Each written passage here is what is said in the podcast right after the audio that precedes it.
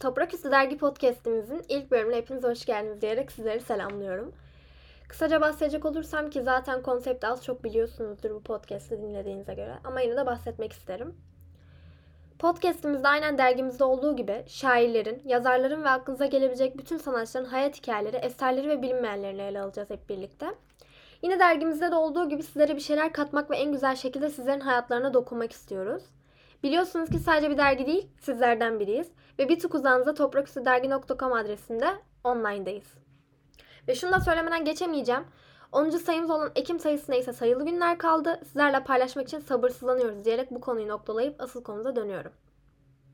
Ey iki adımlık yer küre, senin bütün arka bahçelerini gördüm ben. Şiirinin alıntısıyla başlamak istiyorum söze. Biricik kadın şairimiz Nilgün Marmara'nın ölüm yıl dönümü bugün. Hayatı boyunca adımladığı basamaklara sözcükleriyle bıraktı izini Nilgün Marmara. Kendine yeni bir sözcük dünyası yaratarak kaleme aldı bütün şiirlerini. İlk başlarda kimselere göstermediği şiirleri, ölümünden sonra bir çoban yıldızı olup eşlik etti bizlere ki hala etmeye devam ediyor. Dünyaya gelişinin anlam ve anlamsızlığını sorgulamaktan korkmayan, bu dünyayı başka dünyanın bekleme odası olarak gören Nilgün Marmara, sözcüklerini şu şekilde döktü kağıda. Burada daha ne kadar öleceğim? Yeryüzüyle gökyüzünün aracısı olarak bulutu araca kestiğiniz yerde. Ben size alışamam. Peki ya Nilgün Marmara kimdir? Gelin birlikte yolculuğa çıkalım. Nilgün Marmara Balkan göçmeni olan bir ailenin iki kızından biri olarak 13 Şubat 1958 tarihinde İstanbul'da doğdu. Babası Fikri Marmara muhasebe müdürüydü ve babası Bulgaristan'ın Plevne şehrinden, annesiyle Vidin'den İstanbul'a göç etmişlerdi. Liseyi Kadıköy Marif Koleji'nde okudu Marmara.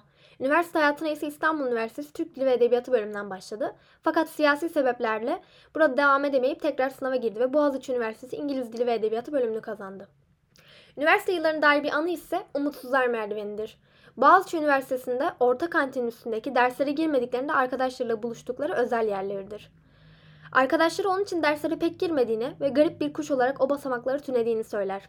Üniversite hayatına devam ettiği sırada 1982'de yani 24 yaşında üniversite eğitimi sırasında arkadaş ortamında tanıştığı Kaan Önal ile hayatını birleştirdi.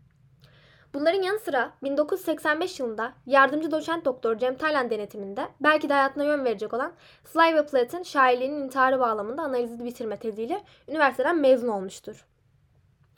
Mezuniyet sonrasında çok uzun süreli olmasa da farklı işlerde tecrübe edinmiştir. Eşinin işi nedeniyle Libya'ya taşınmış fakat 16 ay sonra kendine ait hissedemediği bu yerden İstanbul'a dönmüştür. İstanbul'da Kızıl Toprak'taki evleri dönemin yalnız tutkunu şairlerin buluşma mekanı haline gelmiştir. Ece Ayhan, Cemal Süreyya, Edip Cansever, Tomris Uyar, İlhan Berk, Cezmi Ersöz ve Orhan Akkaya. Bu buluşma akşamlarında arkadaşlarınca zenci gırtlağına sahip olduğu söylenen Nilgün şarkılar söyleyip arkadaşlarını eğlendirmiştir. Belki de bu buluşmalardaki neşeli halinden Cemal Süreyya, onu Amerikalı yazar F. Scott Fitzgerald'ın ele avuca sığmayan karısı Zelda'ya benzetir ve ona çılgın Zelda derdi. Bu yazarlarla sıkı dostluğuna rağmen kimseye yazdığı yazardan pek bahsetmezdi. Ancak intiharından hemen önce işine bıraktığı veda mektubunda ölümünün ardından daktiloya çekilmiş şiirlerini insanlarla paylaşabileceğini yazmıştır. Bu keyifli buluşma akşamlarına karşı manik depresyon tanınan Nilgün Marmara'nın psikolojisi gün be gün kötüleşiyordu. Bu süreçte doktorlar onun melankolik yazılar yazmaya, okumaya bir süre ara vermesini ve ilaçlarını düzenli kullanmasını önerdi. Ancak o hiç dinlemedi ve alkolde çare aramaya başladı. Düzensiz ilaçlar, alkolle birlikte alevlenen hastalığı onu çıkmaz bir sokağa götürdü ve 13 Ekim 1987'de 5. kattaki evinin yatak odasının genelde açmadıkları penceresinden atlayarak tıpkı 31 yaşında gaz fırına kafasını sokarak kendini öldüren manik depresif şair Slavia gibi yaşamına son verdi. Biliyorum bir gün dayanamayacak küçük kalbim. Arkamı dönüp güvendiğim ve inandığım her şeye veda edeceğim. Ölümünün ardından tartışmalar, suçlamalar ve aşk dedikoduları başladı. İntihar etmediği, öldürüldüğü, ölümünde eşi Kanun Al'ın ihmali suçlamaları üzerine eşine söz hakkı doğdu. Oysa Nilgün'ün tedavi olması gerekiyordu ama o doktorlardan kaçıyordu. Doktor geldiğinde evde olması gerekirken evde değildi. Doktor beklemişti. Gelince de konuştular. Doktor bana işiniz çok zor, tedavi olması lazım ama çok zeki ve kültürlü. Yani en zor vakalardan demişti. Çünkü iyileşmesi için entelektüel faaliyetlerde bulunmaması gerekiyordu. Orta kültür ve zekalı durumlarda bu hastalık 20'li yaşlarda ortaya çıkarmış. Lityum tedavisiyle başarılı olunurmuş ancak Nilgün bu tipte değildi. Tedavi olması, buna ikna olması, tedaviden memnun kalması. Hepsi ayrı bir dertti. Dolayısıyla tedavi olmadı. Öldüğü gün bana tedaviye başlayacağına dair söz vermişti. Bunların yanı sıra defterlerin ön sözünde Kanun Al tarafından söylenen yazıyı şimdi sizlerle paylaşıyorum. Bu kitap aslında hiç yayımlanmamış olmalıydı. Çünkü Nilgün şiirlerini daktiloya çekmiş, dosyalamış ve daktiloya çekilmiş olan şiirlerini istersen bastırabileceğimi, vasiyet ettiğini intihar mektubunda da dosyaların üstüne bırakıp öyle gitmişti. O iki dosyayı şiir atı yayıncılıktan daktiloya çekilmiş şiirler ve metinler adıyla yayınlatmış, defterlerini, kağıtlarını ve notlarını yayınlamayı hiç aklımın ucuna bile getirmemiştim. Şiirlerin yayınlanmasını takip eden günlerde Gülsel İnal, Nilgün'ün annesi Perihan Marmara'dan notları ve defterleri geri vermek vaadiyle almış ve içlerinden seçtiklerini Telos yayınlarından Kırmızı Kahverengi Defter adıyla yayınlatmıştı. Sonraki yaklaşık 25 yıl boyunca İnal'ın çeyrek asırlık Nilgün'ün defterleri benimdir inadı mı yoksa onca zaman sonra defterleri aniden geri vermesi mi daha garip bilemiyorum. Tek bildiğim elinde tuttuğu süre içinde defterleri ve kağıtları istisnasız her bir sayfasının üzerine çoğu zaman tükenmez kalemle notlar alacak kadar benimsemiş olduğudur. Öyle ki orijinallerin temizlenmesi mümkün olamadığından fotoğrafı çekilen sayfaların bu basım için dijital olarak temizlenmesi gerekti. Defterlerin söz konusu ilk ve sorumlu basımı yıllar içinde başka bazı sonuçlar da doğurdu. Örneğin Nilgün'e ait olmadığı halde bu basım sayesinde ona mal edilen ve neredeyse artık onsuz anılmayan bir dize yaratıldı. Öyle güzelsin ki kuş koysunlar yoluna. Bu kitapta dizenin gerçekte kime ait olduğu anlamını bulabilirsiniz. Bencilce olabilir ama bir diğer ve en önemli örnek defterlerin büyük bir bölümünün yazıldığı sürenin yani Nilgün'le Libya'da geçirdiğimiz yaklaşık bir yılın Inal Telos versiyonunda bir kelime oyunu içeren bir sayfası dışında yer almamış olması.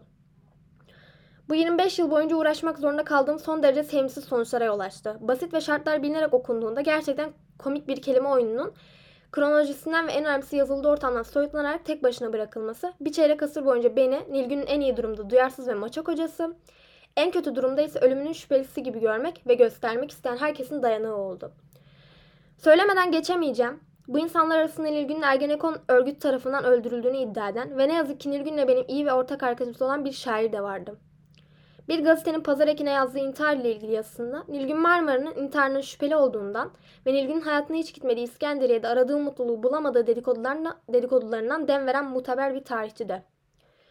Bütün bu yersiz kuşkulara artık bir son verir umuduyla bu kitabın sonuna Nilgün'ün intihar mektubunu da ekledim.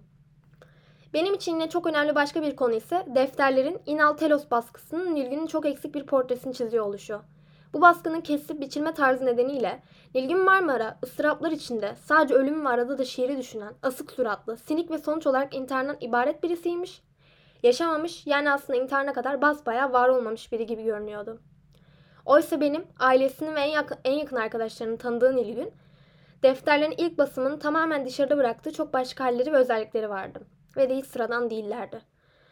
Okuyucunun 25 yıl sonra bize teslim edilen haliyle eksiksiz yayınladığımız defterlerin bu basımında onların tamamını olmasa da bir kısmının izlerini bulacağını umuyorum.